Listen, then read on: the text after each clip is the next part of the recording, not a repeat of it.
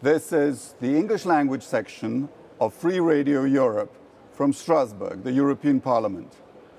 Good evening. Yours and my guest tonight is David McAllister, a German politician, member of uh, the European Parliament, but also chairman of the uh, Foreign Affairs Committee and deputy leader of the EPP. Previously, the mayor of his hometown and minister president of uh, Lower Saxony. Welcome to the show, David. Thank you so much. It's a real pleasure. David McAllister, fine German name. Yes, uh, well, in the 21st century, perhaps a more common German name than in the last century. Please tell us about your family, it's fascinating. Um, well, I'm the product of Anglo German love and friendship thanks to the presence of the British military in Germany. My father participated in the Second World War on the British side and returned to Germany later on as a civil servant with the British military. And as many of his comrades and colleagues, they married German wives, Sure. and uh, so I have a British father from Scotland, German mother, and I have both passports. Sure. And you, but you chose to serve in the Bundeswehr.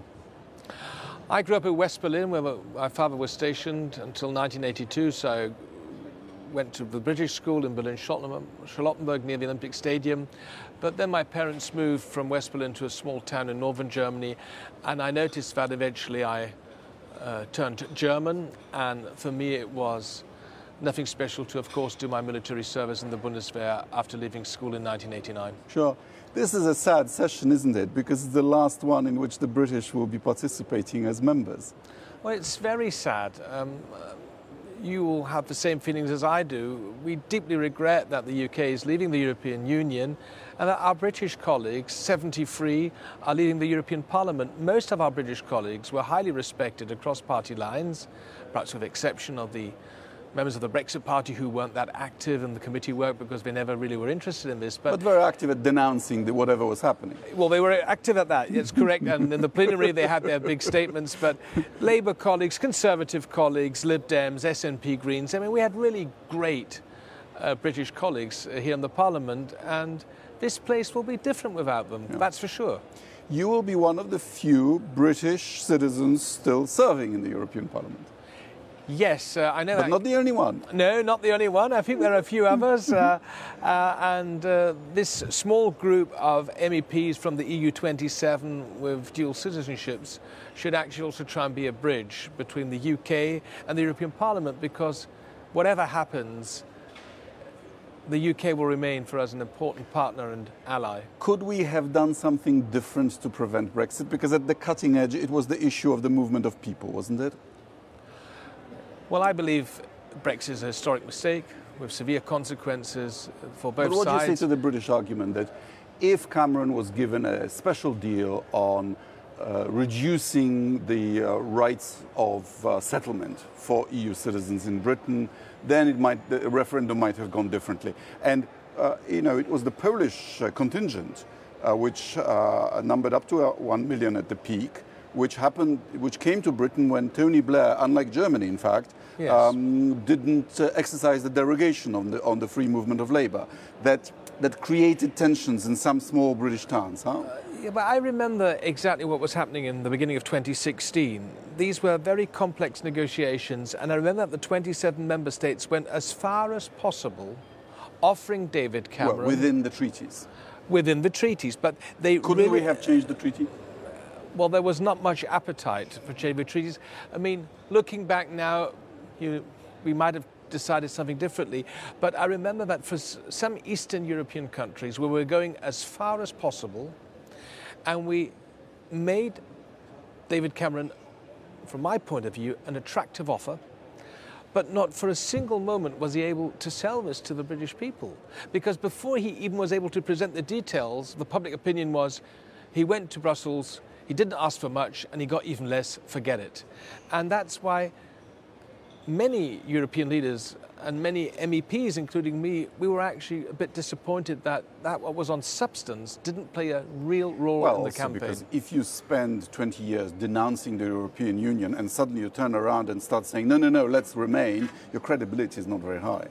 Well, uh, exactly. And the European Union, that's not only the EU institutions, the European Union, these are the 28 or now 27 member states, and we all are sitting in the same boat. And this play, this blame game didn't work that any political success was always national British Yeah, yeah. and every failure was always European. That's not a mechanism peculiar to Britain. Most politicians from most countries do that. They try to come to sensible agreements here, and then they go home and they announce a big victory against the Brussels bureaucrats. Exactly, but I think the British were the best at that. Uh, oh, they, they had developed the best technique. But as a result, we have a situation which, to my mind, resembles a little bit that of 1807. Under, Napo- 1807. Yeah, under Napoleon, the entire continent of Europe under one authority, except for Russia and, and England. Oh, I haven't seen these parallels between uh, 2019, 2020 and 1807. Uh, I'll have to look at my history book. Well, we adopted your report today on the state of uh, Europe's foreign policy. Are you, are you pleased with the amendments? Yes, well, my report um, got a broad majority. It's good to see that the majority of political groups are supporting our general line. This was my third annual report on the CFSP, and we have outlined our expectations mm-hmm. as a parliament for the new High Representative Josep Borrell, and we have also made a few concrete recommendations how to move forward.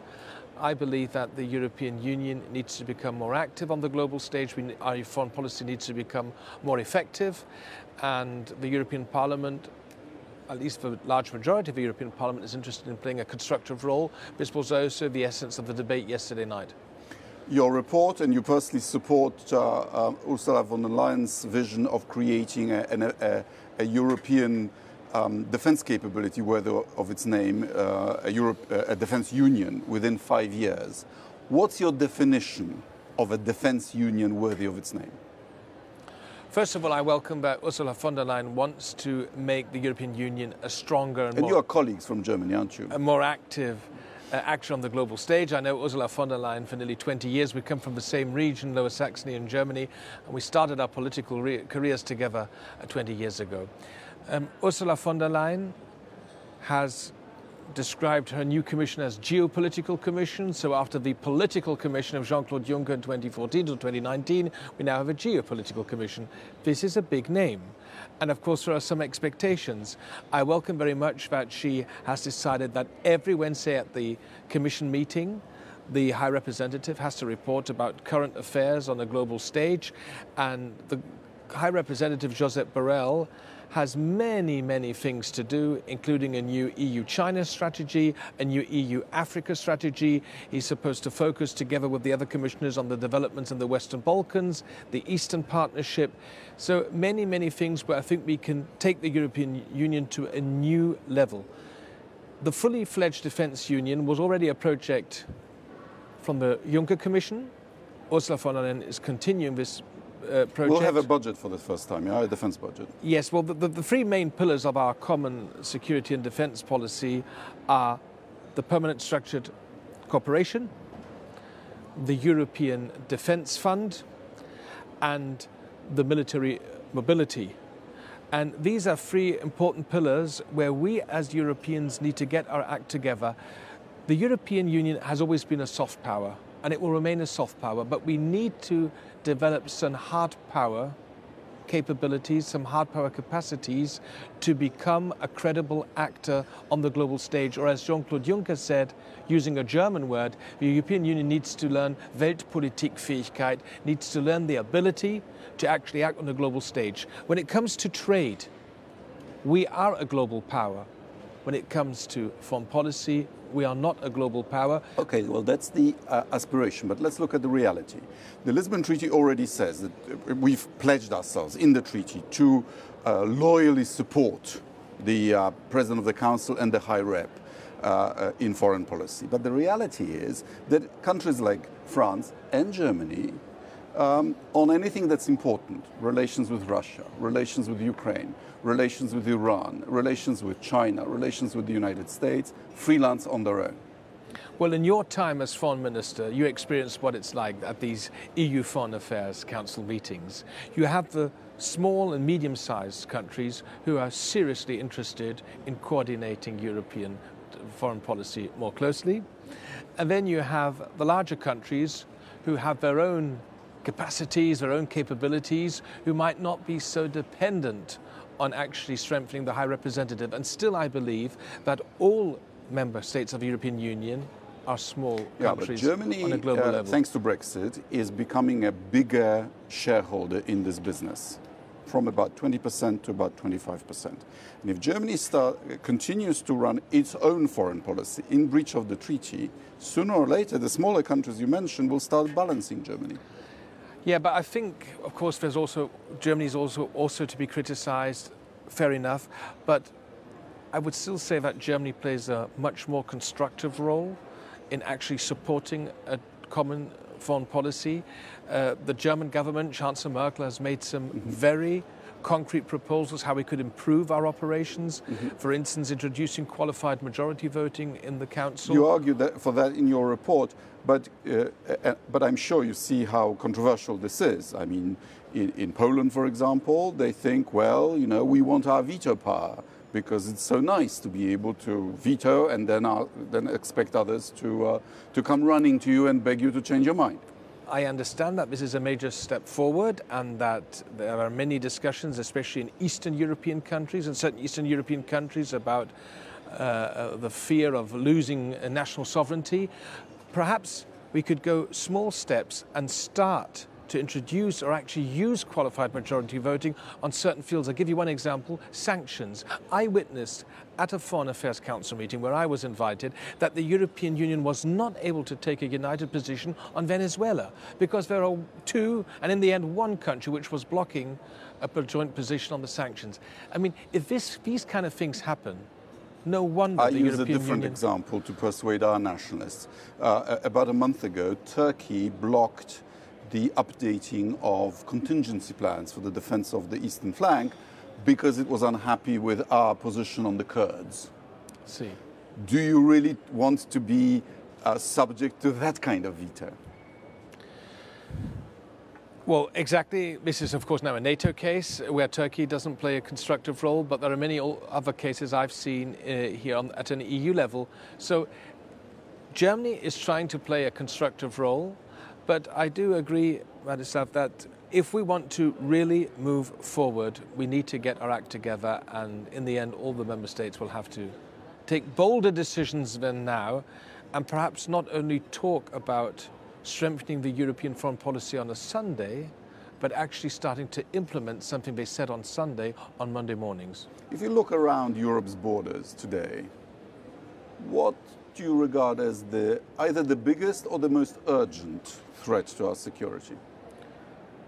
Well, 10 years ago, we had a wonderful situation in Europe. We were strengthening the European Union, we were growing together. End of our, history. And in our Eternal neighborhood, peace. southern neighborhood, eastern neighborhood, all things seem to go quite well. And 10 years later, we are in a, a deep mess. Uh, if you look to the south, I would say the most urgent problem is Libya. Uh, I very much welcome that the federal government in Germany, supported by the High Representative and others, is organizing this Berlin conference because we really need a last chance, a last attempt to bring the two opposing forces in Libya. Oh, the Turks are considering sending forces, the Russians have already sent forces. If, they, if hostile forces capture Libya with its resources and its ability to turn off the uh, valve with mass uh, refugee movements, we're really in trouble, aren't we? We are really in trouble. This is directly in our immediate neighborhood. Germany is not an active player in this conflict, so perhaps Germany has the the larger credibility to actually bring all sides involved at the table. One thing must be clear all forces who are actively directly or indirectly involved in this conflict really have to contribute now to a sustainable solution that we have a ceasefire, a truce, and then peace, and then we can start reconstructing this country. So that's the one point. The second point, if you go further to the southeast, of course, the Middle East is always on our mind. Uh, we all have followed the worrying developments in Iran and Iraq. We had a debate in the European Parliament yesterday. You were active, worried, I were active. And we all worried about what Iran will do in response to the um, assassination of General Soleimani. But it looks like President Trump successfully threatened with them with what experts called uh, escalation domination, and it looks like he's won this round. Well, we'll wait and see what actually happens. Uh, you never know with the Iranians. They are a very dangerous, uh, vicious regime. The tragic downing of the plane might have an impact on the regime in Tehran that they now, for the first time, are really seeing large mass protests and demonstrations. Over a thousand people have already policies. been murdered in the last uh, few weeks, right? And we have to be very clear, not only as a United States, but also as a European Union don't kill protesters, don't execute people.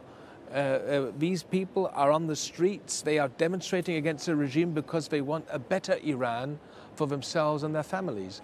So the European Union can play a special role in solving the Iraq Iran problem, let me call it this way, the crisis. We perhaps have diplomatic channels which are still open for us. Uh, what we need in the end is a kind of a security mechanism for the whole region where we can bring together Iran, Saudi Arabia, the Russians, the Americans, the Turks, and others because we need to de escalate the situation, we need to lower the tensions. We all were concerned that we might have been at the brink of a regional war uh, in the last two or three weeks. I'm still concerned that it's the Iranians who will provoke the United States because desperate regimes do desperate things. If they think, and it's about 15 people in Tehran who, who take all the decisions, if they think their regime is about to fall, they might roll the dice and broaden the conflict. I follow in the public debate in Europe, uh, at least in some member states, there's always a lot of understanding for Iran, and, and yes, we don't have to be so tough and so on. Let's be very clear Iran has played a very destructive role. And it's the, the nature of the years. regime, isn't it? It's, a, it's, the, it's the 20th century third utopia, theocracy. Yes, and what I criticize is not only the human rights situation in Iran, but the destructive role they have played in Yemen, in Syria, Lebanon. in Lebanon. They are also responsible for these civil war activities, for all the atrocities. And let me also add, as a German Christian Democrat, I can never accept a political regime that threatens to delete an independent state of Israel. Never ever will we, we Germans allow this to happen. Uh, today in the European Parliament, in the chamber next door, uh, we also had a debate about um, what Mr. Putin has started saying uh, about the origins of the Second World War. We thought we had it behind us when uh, President Putin came to Gdańsk on the 70th anniversary of the Second World War, and together with Chancellor Merkel and other leaders, recognized that that's where the war started. He was actually the first leader of Russia to come to Katyn which was the other big Soviet lie about the Second World War. And now suddenly he's saying that Poland started the war, which I recall was the position of Adolf Hitler, that uh, Poles attacked the German uh, radio station at Gleiwitz, and that uh, the Wehrmacht was just responding with defensive measures. Does the president of Russia really want to, to be, speaking in the same voice with that particular chancellor of Germany? Well, this version of history that apparently Poland started the Second World War and Germans were reacting to provocations, I have only heard from extreme far right people in Germany, reactionary people uh, who still don't understand any lesson history has uh, taught us. So uh, I have absolutely no understanding for this kind of version. And it's uh, rather astonishing that now you have these attempts in Moscow trying to rewrite history where we actually thought that we had really got our sheet of facts correct. We've thought we were on a convergence path with Russia, but I, but I, but you must see that this makes us in Central Europe uh, disquieted It's because uh, when President Putin says the Soviet Union was right to do what it did, what we are hearing is we might do it again. Well, I, since I've joined the European Parliament since 2014, I have uh, really the unique opportunity to spend a lot of time also with Eastern European colleagues and across party lines. I have learned much more these last five years how great your concerns and worries are. And history has shown, and you all were victims of the Soviet Union policy, that you know your neighbors better than we do, and that there must always be a solidarity between West and Eastern Europeans within the framework of EU and NATO, that we are at your side, and that we will not accept any kind of violation of international law and violation of the territorial integrity of countries. That's why I strongly believe that we also have to be very clear on Ukraine because the illegal annexation of Crimea is more than just the annexation of no, it's breaking an island. of a taboo. It's the breaking of a taboo. It is the first change of international borders by force since 1945. And on the same pretext uh, of, of uh, protecting your, your compatriots. Yes, and we know that there are Russian speaking citizens in certain EU member states. And many, most of them don't want to be liberated. Yes, for, for good reasons they don't want to. Actually, one of the most moving visits I had the last few years was when I visited uh, the Bundeswehr uh, led NATO uh, unit in Lithuania because Germany is now showing solidarity with the Baltics, with Poland, together with the Americans, the Canadians, the Brits, and others. And we enjoyed our solidarity. We enjoyed solidarity for so many decades, and that it really is now time that Germany can also give something back to allies and close friends and neighbors. And um, that's why I strongly believe in German Polish friendship and cooperation. And um, I do hope that on a national level, the relations between Warsaw and Berlin can even improve more, well, to put actually, it diplomatically. Under Minister von der Leyen, Minister of Defense, uh, during maneuvers, a Polish general commanded a, a, a German tank battalion, and a, and a, German general commanded a Polish tank battalion, and there were Leopards on both sides. And this is a fantastic development. Who would have thought this would have been possible 20, 25 years ago? And by the way, this was also possible because there were courageous politicians in Warsaw who went these steps forward, and one of them I'm just talking to. Oh, thank you. but I think it, it, it, it, shows above all that reconciliation can only happen when we agree the facts of history. And let's just hope that Russia uh, uh, understands that lesson too. Yes, and I think that the interpretation of history should be really something historians should deal with and not politicians. And I think what happened from 1933 to 1945, the facts are 100% clear, and we, would, we should stop reinterpreting these facts. David, congratulations again on your report. Looking forward to working with you in the Foreign Affairs Committee. Thank you for your time. Thank you. And thank you for your attention.